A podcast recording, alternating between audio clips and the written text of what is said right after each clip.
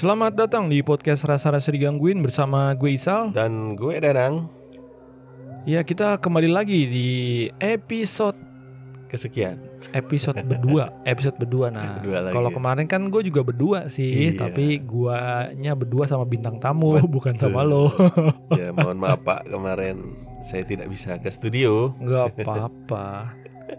Kan memang lagi ini kita lagi jaga apa namanya tuh jaga protokol Kesehatan Betul lagi oh, protokol kesehatan kita jagain gimana ceritanya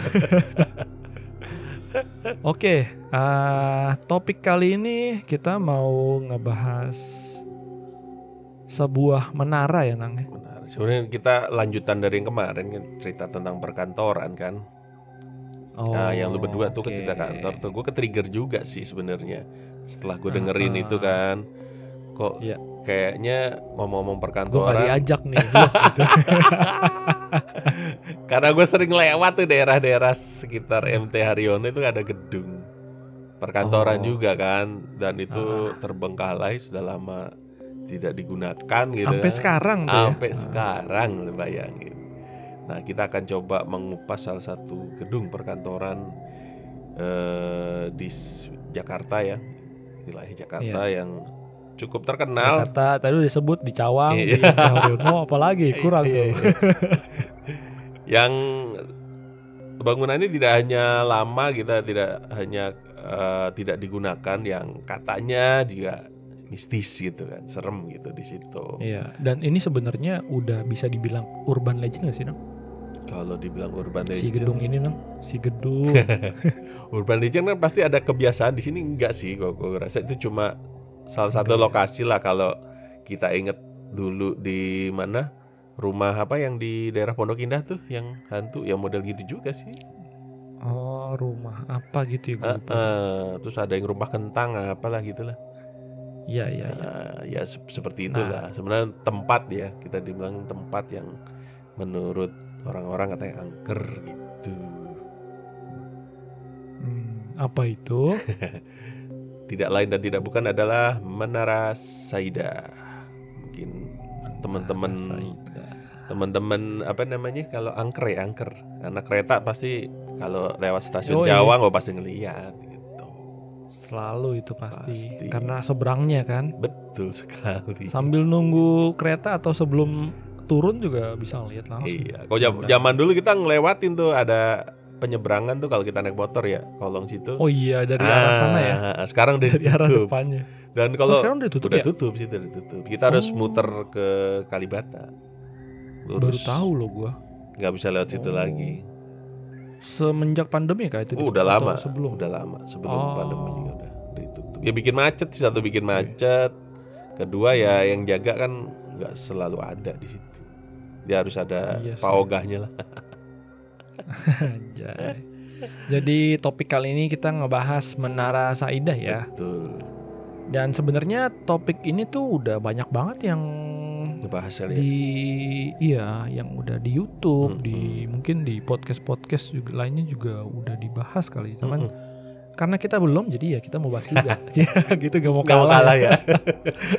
Apa nggak ada bahan, nggak mau kalah kayaknya yang nggak mau kalah kayaknya lu nang karena Oh, kan gitu. kemarin gue berdua tuh sama Oh, iya, tuh iya, kan iya. ngebahas-bahas per- perkantoran gitu kan. Hmm, hmm, hmm. Eh lu malah ya udahlah oke lah ini oke nih ini topiknya pas gue lihat lu kasih proposal kan oh oke ini Oke. perkantoran juga nih tapi kantornya udah tutup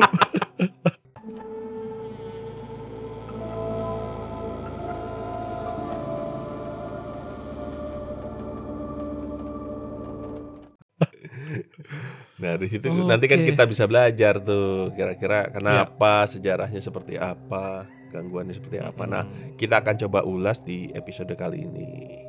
ya semoga nggak panjang-panjang amat ya Iya, pendek-pendek aja pak. iya betul karena sebagian orang udah banyak yang tahu sih Hmm. kalau gitu nih gue bacain aja sejarah singkatnya aja Ya gimana betul, boleh boleh. Oke, jadi sejarah singkatnya itu adalah Menara Saidah. Sebelum menara ini dibangun ya, itu gedung perkantoran ini dulu tuh namanya bukan Menara Saidah, tapi namanya Gerasindo. Grasindo, iya. Gerasindo yang dibangun mulai sekitar tahun 95. 98 eh 95 sorry 95 sampai 98 ya Iya. Jadi Grasindo ini merupakan gedung pencakar langit pertama yang dibangun sama perusahaan Utama Karya. Disingkat HK ya. Tuh kalau kalian jalan-jalan di bawah Oh itu singkatannya ya? Gue pikir HK. jembatan tuh udah HK tuh kan. Nah, HK Hong Kong apa? gitu. Oh bukan, bukan nama teman kita Ah. juga tuh HK. tuh. Oh, bukan Itu ya. bukan. Iya, Utama Karya itu HK. Setelah resmi berdiri tahun 2001, Menara Saidah pun mulai beroperasi. Namun siapa sangka hal itu ternyata hanya berlangsung dalam kurung waktu sekitar enam tahun aja. Pasalnya, pada tahun 2007, menara ini resmi ditutup lantaran terdapat beberapa faktor. Satu dari sekian banyak faktor, penyebab gedung ini ditutup adalah karena konstruksi bangunannya itu sendiri yang bermasalah ya. Mm-mm. Bermasalahnya ini ada di pondasi gedung mengalami kemiringan beberapa derajat dan tentu saja membuat gedung ini menjadi tidak aman untuk ditinggali. Jadi ini faktor yang utama dan faktor yang emang udah kita sering denger ya. Mm. Kalau menaranya emang agak Miring. miring, gitu ya. Iya. Kalau gue boleh tahu karena miring itu kalau nggak salah kan karena dulunya kan dibangun yang yang Grasindo kan ya. Mm-mm. Kemudian dibangun lagi, maksudnya dibagusin lagi jadi Menara Saidah.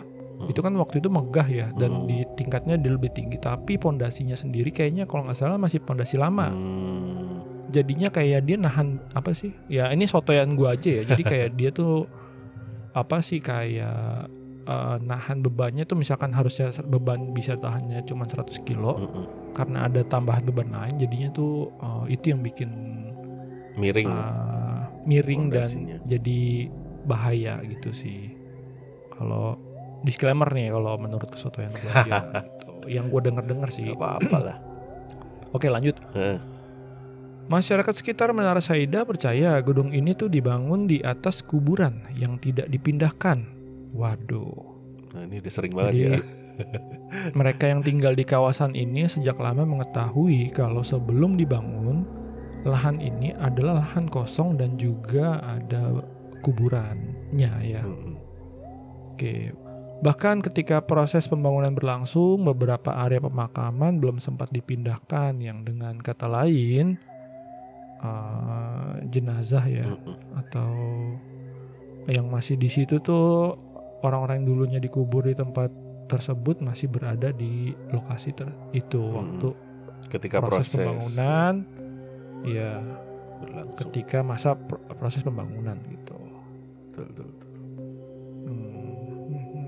Oke, jadi eh, sekian aja sejarah singkatnya eh, tentang Menara Saidah dan faktor keangkerannya itu ya tadi salah satunya yang di akhir ya karena ada Kuburan makam ya. eh, kuburan, ada beberapa makam yang belum sempat dipindahkan. Nah ini juga eh, Sebenarnya mirip sama di apa terowongan Casablanca ya. Casablanca, Iya. betul. Ya model-model begitu sih sebenarnya. Mungkin ja, Betul, dulu betul.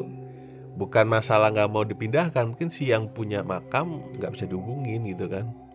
Jadi mau Ada juga, mau nggak iya. mau nggak mau ya karena pembangunan harus cepat ya udah main uruk aja. Kalau Betul juga sih. Gitu. Faktor beberapa faktor tuh pengaruh juga sih. Jadi ya itulah ya. Mm-mm. Cerita mistisnya gimana? Nah, iya.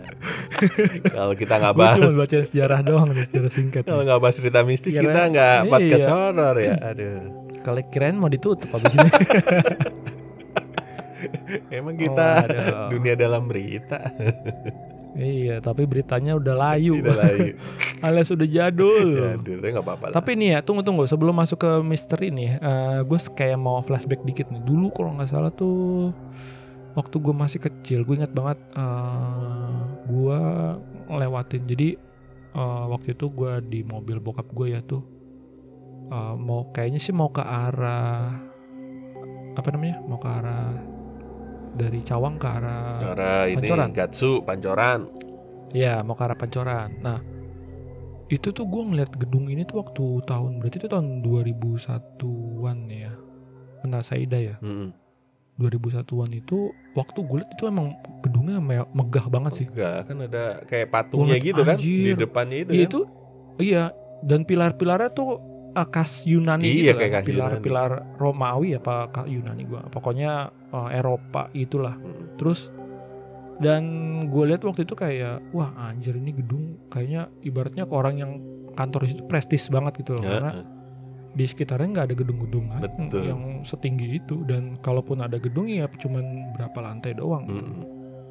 sampai tiba-tiba itu kan gua iya benar berarti setelah gua lulus kuliah terus gua lewat situ lagi kaget aja gitu udah lah kok Jadi, ditutup ya tutup. perasaan dulu waktu gua masih sekolah tuh kayak wah gila nih gedungnya keren banget gitu Sekarang sih. dibedeng-bedengin ya. flashback gua iya sekarang buset deh kalau lu lihat aja di atas tuh kacanya pecah-pecah anjir udah banyak yang pecah Oke, kalau gitu gue gua akan bahas dari cerita mistis yang ada di Menara Saida. Mungkin salah satunya yang pertama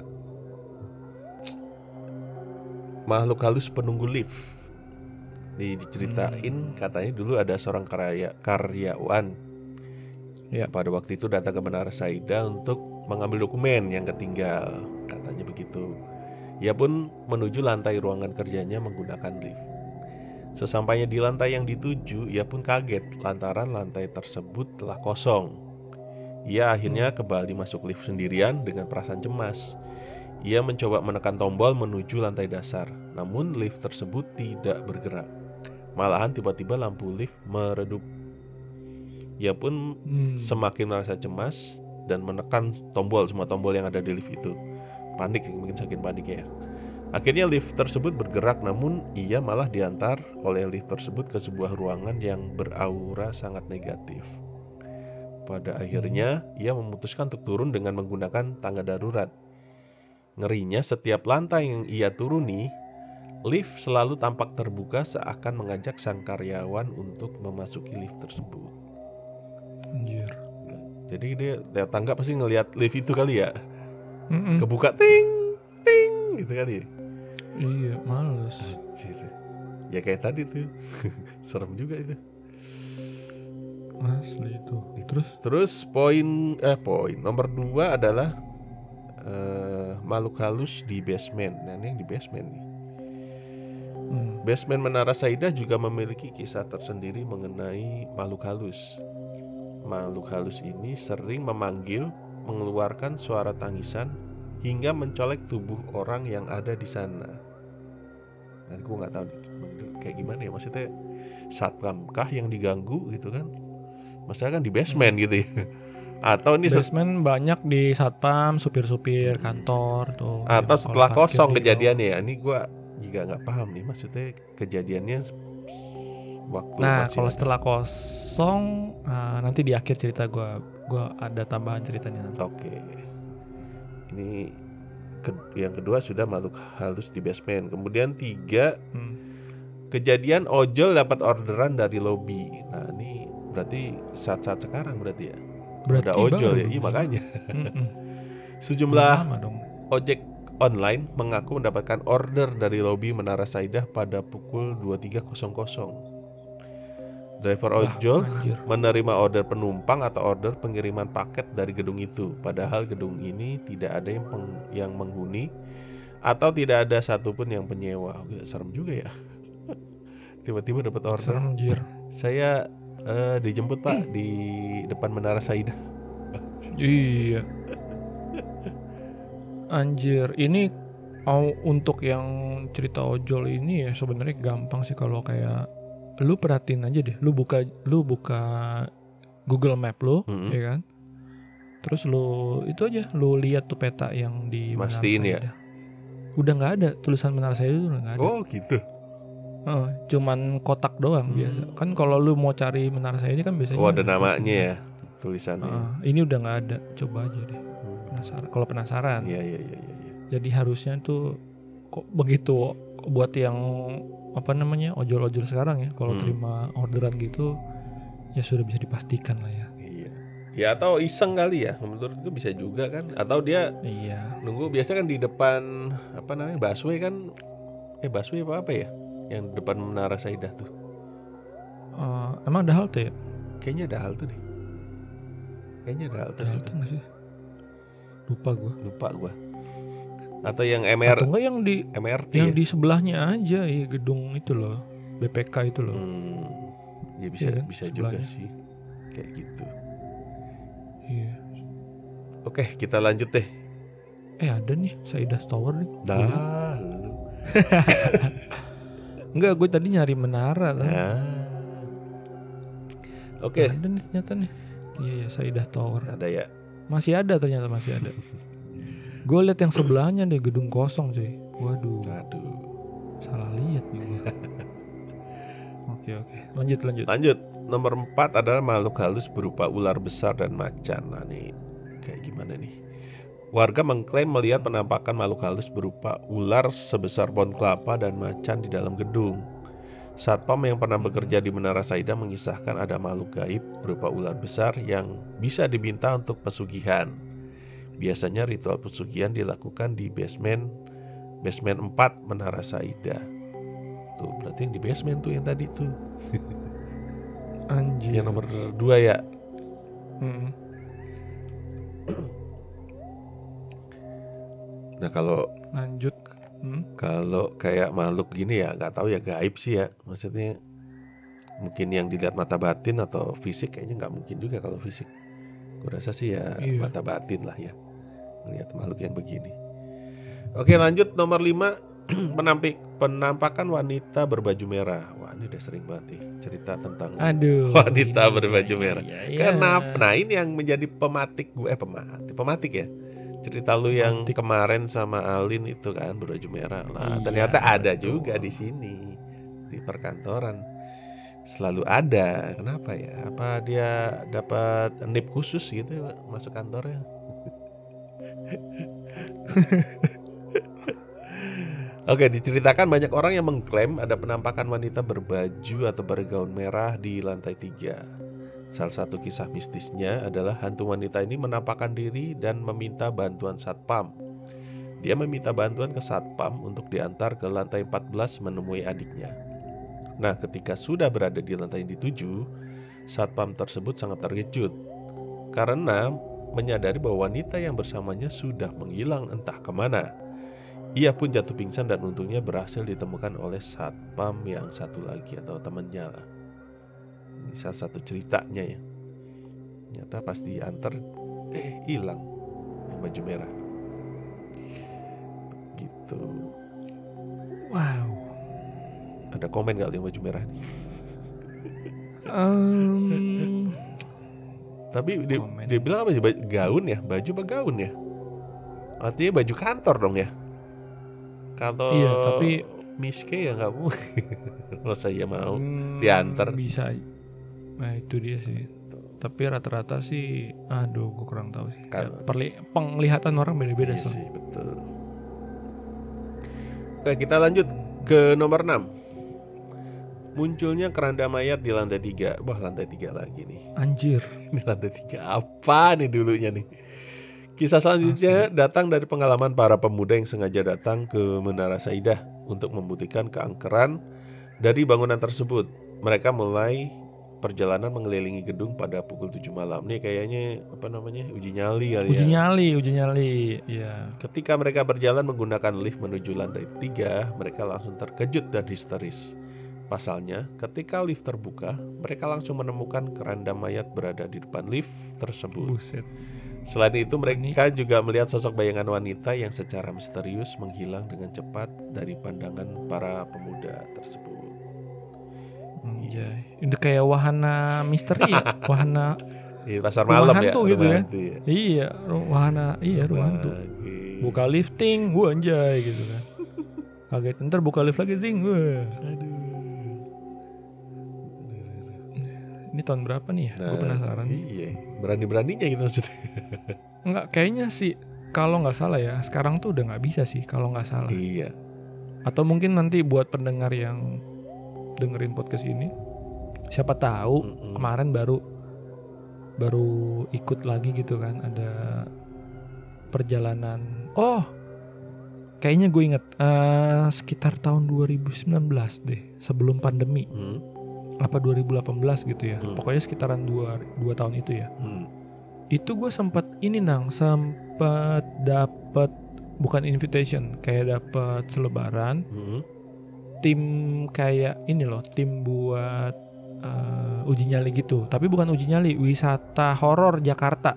Oh iya pernah gue denger tuh. Jadi eh, itu ada listnya tuh. Salah satunya tuh ya ini ke Menara Saida, Mhm. kemudian ke apa namanya? Ancol. Casablanca. Sama yang Ancol juga, sama yang di Menteng, gue lupa di Menteng yang mana gitu loh. Mhm. Be- Ada beberapa tempat situ dan itu itu malam, Mhm. eh, startnya dari malam dan kita harus daftar waktu itu. Hmm. Kayaknya kalau sekarang nggak bisa sih mungkin karena pandemi juga ya. Mhm. Gitu. Ini mungkin salah satunya yang terakhir di di situ Nah kali ya. mungkin. Jadi kalau yang sekarang gue belum tahu apakah masih ada wahana-wahana seperti itu. Oke lanjut dong. Lanjut ke nomor 7 Sering muncul pencahayaan yang janggal Biasanya dan sudah seharusnya sebuah gedung kosong akan selalu gelap Karena memang tidak ada pencahayaan Namun hal itu berbeda dengan Menara Saidah Pasalnya Sejak resmi ditutup pada tahun 2017 Gedung ini kerap menampakkan cahaya lampu yang menyala di beberapa lantai Beberapa warga sekitar pun sering melihat lantai gedung yang terang benderang Ketika dikonfirmasi ke petugas yang berjaga, mereka menyatakan bahwa mereka tidak pernah menyalakan lampu dari gedung tersebut. Hmm, Serem juga ya. serem sih. Tapi hmm, kalau dari pikiran yang skeptis lah ya, Hmm. bisa jadi kan kayak mungkin warlock sih itulah ya. bisa menyelinap ya kan. Waktu satpam lagi meleng kayak atau lagi Iya. apa gitu kan. Terus mereka masuk kemudian nyalain apa gitu kan bisa juga sih ulah manusia bisa tapi tuh, Mas. ya iseng banget lah malam-malam pak. ya itu makanya siapa tahu main gaple gitu kan wah nggak ada tempat nih main gaple di situ Iya. sambil uji nyali Anjay. Atau bu, bikin kontrakan gitu kali ya. Mahal ngekos. Wah, kosong gratis Gratis. luas lagi kan Bebas lu Gile. pakai. yang penting gak ketahuan sama tahan godaannya Waduh, bener juga sih ide lu nang. Buat yang mungkin lagi susah cari kontrakan Ya ya, betul. Gitu ya, anjir. Nah, itu kayaknya cuma tujuh aja kejadian eh, mistis yang Hmm. ada di Menara Saidah.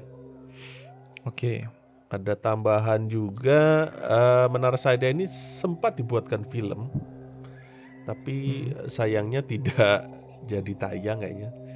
Awalnya diberi judul Menara Saidah, kemudian karena ada gugatan kali ya, diganti Hmm. judulnya menjadi eh, Menara Stasiun Cawang. Biar tidak, karena Saidah itu nama orang gitu, mungkin ada yang keberatan si oh Keluarganya ya. Iya iya, mungkin mungkin. itu dibuat pada tahun 2015 diperankan oleh eh, siapa Cherry Bell tuh Anissa Rahma ya Anissa Rahma Oh dia. iya yang main dia Oh, itu awalnya dijadwalkan tayang 15 eh, Oktober ya nggak usah berpa dengan Halloween lah pokoknya Halloween kalau nggak salah cuma nggak tahu karena ditunda karena apa sepertinya ya kalau gue cari-cari source-nya nggak jadi tayang gitu oh, nggak jadi oh, tayang nggak ada filmnya gitu. Nggak ada. sampai sekarang. kayaknya Oh, sayang banget ya. sayang banget kalau Penasaran aja sih gitu. iya Reviewnya kayak gimana? kalau dari sekilas baca sinopsisnya ya apa sih cerita tentang apa sih ada istrinya si Hmm. ini apa namanya ngelewat lah di depan Menara Saidah itu katanya terus pingsan meninggal dan suaminya curiga atau apa gitu akhirnya dia Meninggal. dia apa namanya menyelidiki lah gitu sebenarnya dia skeptis juga katanya tapi ya karena Hmm. filmnya nggak tayang kita nggak tahu ini ceritanya seperti apa yang sebenarnya Bah, Iya, kita baru apa enggak sinopsis, gitu atau iya. serem atau enggak ya. Kalau berarti itu settingannya ngambil setelah gedungnya ditutup, ditutup berarti ya. Kayaknya sih begitu karena katanya di Hmm. situ sih ada ritual-ritual apalah gitu di Oh. film itu ya di film itu. Tapi ini iya kalau balik lagi ke yang tadi nomor 7 Emang benar itu dia resmi ditutupnya tahun 2017 Ditutupnya itu dalam arti tutup beneran semuanya atau gimana ya? Soalnya kayaknya setahu gua itu dua sebelum itu udah udah tutup deh kayaknya deh. Kalau gue Udah baca nggak ada gitu tenan-tenan tuh udah nggak ada. Itu sempat direnovasi juga sih Sal, setahu gue ya di tahun berapa tuh ya. Sempat direnovasi cuma berhenti Hmm. aja gitu kan, berhenti. eh terus ya sampai sekarang mungkin tuh kayak di 2015 atau 2016 deh kayaknya sempat Kayaknya sih. Ah, Nah, direnovasi. soalnya itu nanti ada eh, cerita dari adik gua tuh. hmm, waktu dia coba apa namanya eh, wisata malam di Menara Saidah gitu. Nah ini kalau dari gue yang tambahannya Hmm. untuk yang nomor tambahan nomor nomor 8 lah ya ini Hmm. kalau gue lihat itu sebenarnya satu lagi itu adalah ini sering kesurupan. Cuman kesurupannya itu bukan di Menara Saidah, oke di sebelahnya nang, di Waduh. gedung sebelahnya. Sampai ke Menara Hijau deh. Wah. Apa sih gedung hijau ya? Tahu nggak gedung hijau? iya tuh? iya iya iya. Kalau di Google tuh ada di sebelah. Jadi ada Menara Saida, kemudian ada gedung apa gua nggak tahu tuh Hmm. kosong baru menara eh ge- gedung hijau.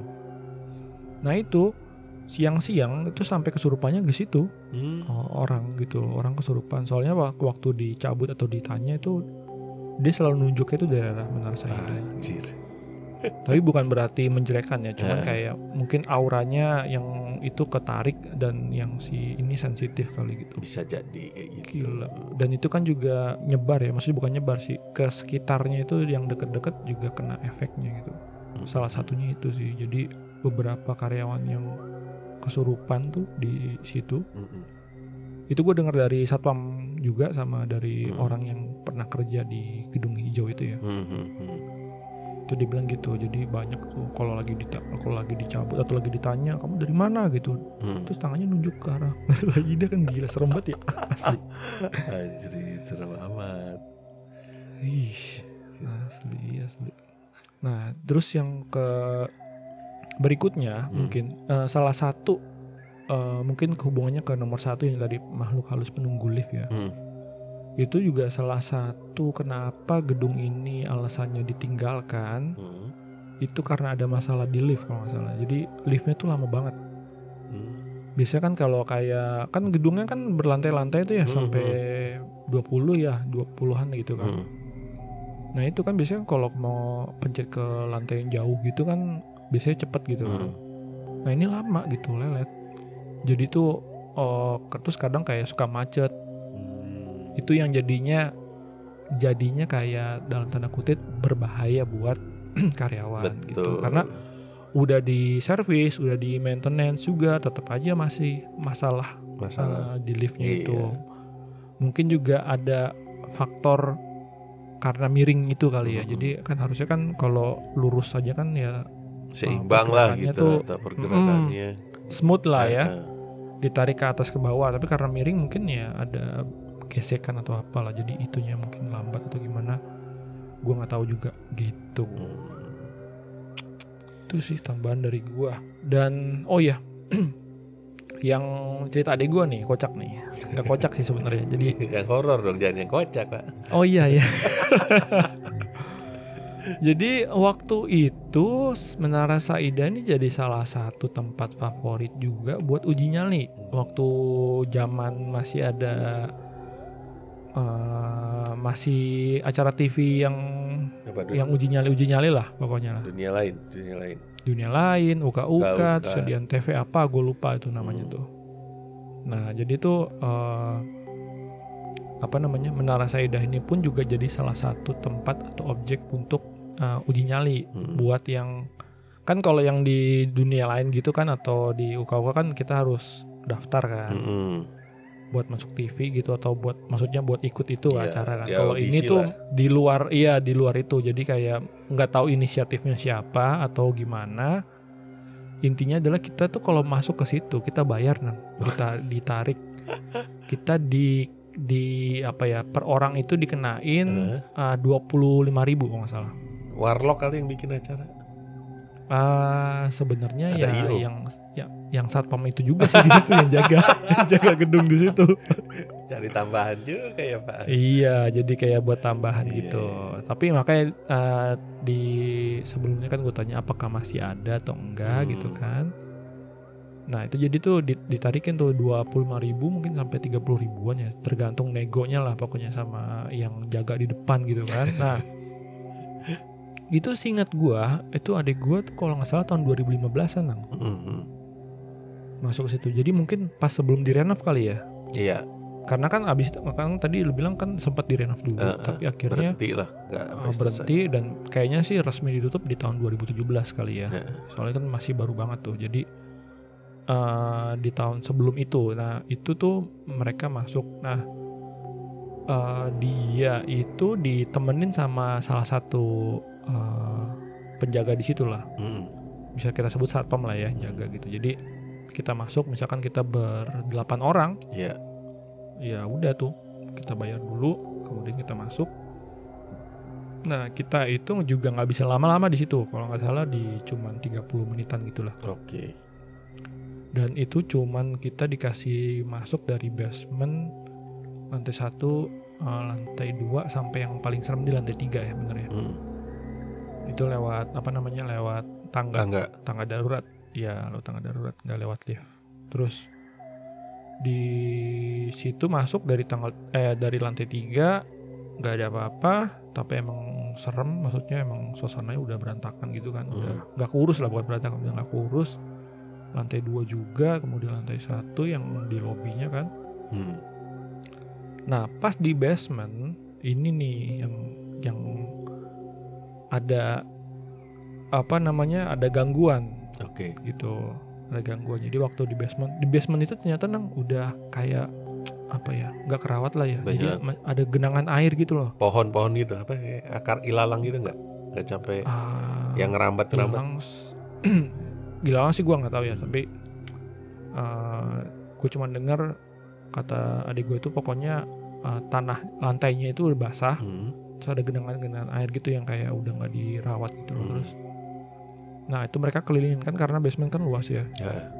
si satpamnya juga satpamnya itu uh, ngasih tahu gitu Hmm. dia kan yang bawa senter kan dia Heeh. jadi yang lain tuh pada gurumul Iya, di, di belakang lah gitu ya. iya ya paling pakai senter HP doang Nah. ya si senter HP semana sih mm, apa namanya Jaraknya. nembaknya kan Heeh. nah si satpamnya itu yang ngasih tahu gitu kayak penjaganya itu yang ngasih tahu ini biasanya nih kalau di sini tuh suka ini nih penampakan ini dibilang gitu tahu gitu terus di di penampak yang di sini tuh ini nah pas lagi disorot ke arah yang kayak ada kayak balok ya gue gue lupa balok atau apa pokoknya dia tuh Mhm. mungkin perboden kali ya biar supaya mobil nggak bisa lewat apa gimana Mhm. disorot gitu tiba-tiba di arah yang sebaliknya sa- arah kiri lah ya. kan disorot bisa kan disorot kan ke kanan gitu kan Mhm. yang ngarahin ke arah yang balok itu yang, Mhm. yang perboden di sebelah kirinya mereka itu tiba-tiba kayak ada benda jatuh Wah. suara itu gede banget dar gitu Bus. begitu bunyi dar Kabur. itu pada kabur Aduh, itu kru yang kayaknya. satpamnya iya yang, yang satpamnya langsung wah, langsung ya ya mungkin dia udah sering kali ya Iya. jadi kayak udah biasa gitu jadi Temennya itu kali Udah. biar kelihatan serem. nah nah itu eh, ya yang sebagian pada pada ini kan pada langsung pada balik gitu kan Eh. nah, terus wah apaan tuh apaan tuh ya yang sebagian juga masih ada yang nah adek gue ngomong Hmm. gini cerita oke itu bisa aja eh, bisa aja apa namanya eh, penampakan atau gangguan gitu tapi adek gue lebih curiga mungkin jangan-jangan ya ada temannya gitu Iya. temannya si penjaga itu yang bunyiin itu atau Iya. banting itu supaya kesannya menakutkan, gitu. Atau uh, kesannya supaya udah bayar-bayar udah bayar nih. Masa sih nggak nggak ngeliat penampakan atau nggak lihat gangguan kayak gitu? Adek gue sih nganggapnya gitu ya. Jadi bisa aja mungkin temennya. Karena kan itu kan di basement ya. Jadi uh, harusnya kan satu lantai itu yang udah nggak ke mana-mana lagi gitu. Kecuali Iya, mungkin kalau di lantai 25 gitu kan atau Hmm. di lantai 20 si mau tuh nungguin di atas sendirian temennya gitu. Nah itu dia itu. Ya itu masih mikir kalau basement kan masih deket ya Iya. jadi mungkin uh, dia secara secara logika aja sih dimikir gitu bisa juga sih kak kayak dibilang itu bisa juga kak kayaknya sih mungkin itu salah satu servis lah ya Hmm. untuk yang udah masuk gitu Soalnya biar- kan cuman kalau biar bisa cerita juga ke orang lain. Wah di situ Iya, lo ada "Oh, dengar. Biar gini, gitu. orang pada iya. datang lagi marketing lagi balik. Cie.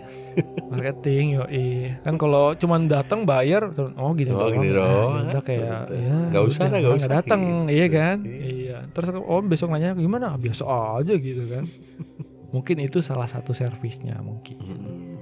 Betul, betul, betul. itu sih waktu itu gue sempat diajakin ke sana cuman gue nggak berani Oh, udah udah bayar ya kan? Udah nggak ada nggak berani gue Oh, gue dulu sering lewat situ zaman rumah gue di Hmm. Depok kan. Ya itu jalur gue biar gak macet kan situ gue nyebrang. Ya kalau dari situ maghrib. Gue biasanya sholat di masjid yang deket situ tuh. Deket situ kan Hmm. yang habis eh, menara hijau tuh ada masjid tuh samping. Nah itu gue di situ tuh sholat ya maghrib. Biasa maghriban situ. Hmm. ya udah gelap sih kalau emang udah itu gelap banget itu basement kan belum di bedeng waktu itu. Sekarang mungkin udah di bedeng kali. Masih kelihatan. Oh gitu itu tahun berapa tuh dong berarti? Dong ya 2010 kali ya. Wah anjay. Udah lama ya? Udah lama lah. Udah lama banget itu. Tapi waktu itu nggak ada ngerasain apa gitu no nggak ada sih. Gangguan kah atau? Gua kan tujuan gua satu sholat Oh. aja udah. Orang mau ke masjid. Iya habis sih. itu Dan- sampai situ maghrib soalnya pasti dan itu juga banyak orang kali ya lalu lalang ya. iya. Jadi masih, masih ada orang jualan juga depan situ ada warung apa kayak oh. kelontong gitu. Kalau malam kadang-kadang jadi pasar malam sih. Tongkrongan tongkrongan. Tongkrongan iya ya tongkrongan ya anjay. Kan kayak jalan itu di koda malam nggak ada yang bisa lewat situ kan. Udah itu orang jualan tuh apa kayak kaki lima lah gitu makanan itu malah rame. Gitu, jadi nggak serem sih sebenarnya di depan situ. Hmm. oke. Ya begitulah sekian aja berarti ya Mm-mm. untuk yang episode kali ini Iya. mengenai menara Saidah. Saidah mulai dari sejarah singkat gangguan-gangguan mistis Yang sampai pernah- tadi Betul. wahana uji nyali. mungkin buat teman-teman kali aja ada yang ngalamin juga atau mungkin dulunya pernah kerja di di, situ ya situ ya siapa tahu ya kan punya cerita boleh di sharing-sharing ke kita gitu. Siapa tahu nanti kita juga bisa ngobrol-ngobrol gitu lebih detail lagi. Kalau memang ada apa ya pengalaman yang benar-benar membuktikan bahwa eksistensinya itu memang serem gitu fix ya. gangguan iya gangguan dari sana gitu ya. Hmm. karena selama ini kan kita dengerin aja dan ya gua sama Danang juga belum pernah. Belum pernah. Lewat sih iya tapi masuk ya belum. Iya makanya kalau lewat sering lewat depannya kalau berangkat kerja juga lewat situ kan. Iya. Lewat cawang gitu ya.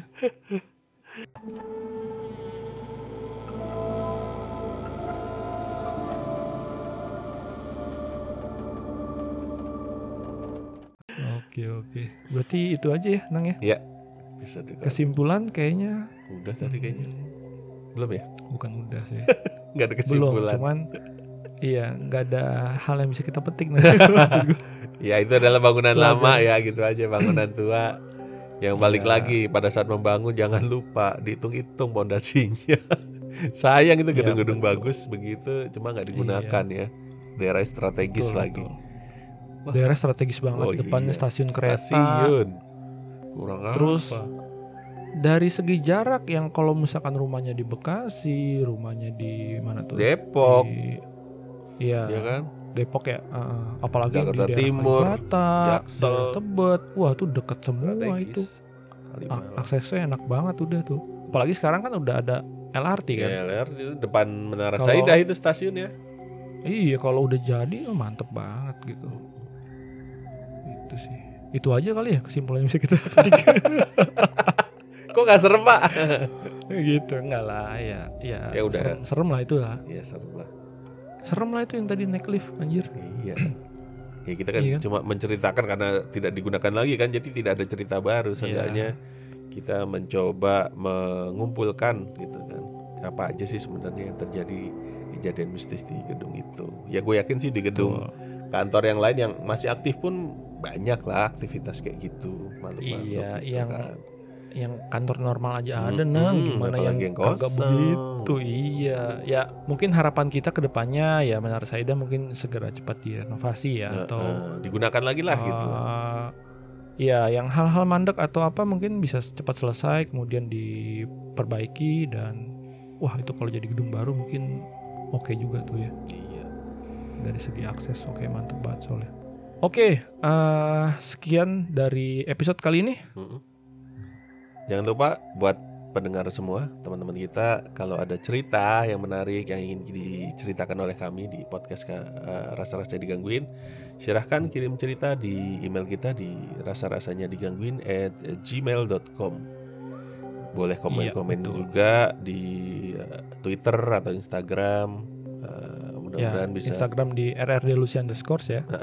Dan Twitter di Kirim-kirim Lucy. Kirim-kirim DM di situ juga nggak apa-apa. Boleh. Nanti bisa kita replay sama adminnya. Tuh. Kalau begitu, Oke, kayak segitu aja. ya sampai jumpa di episode berikutnya. Bye bye. Bye bye.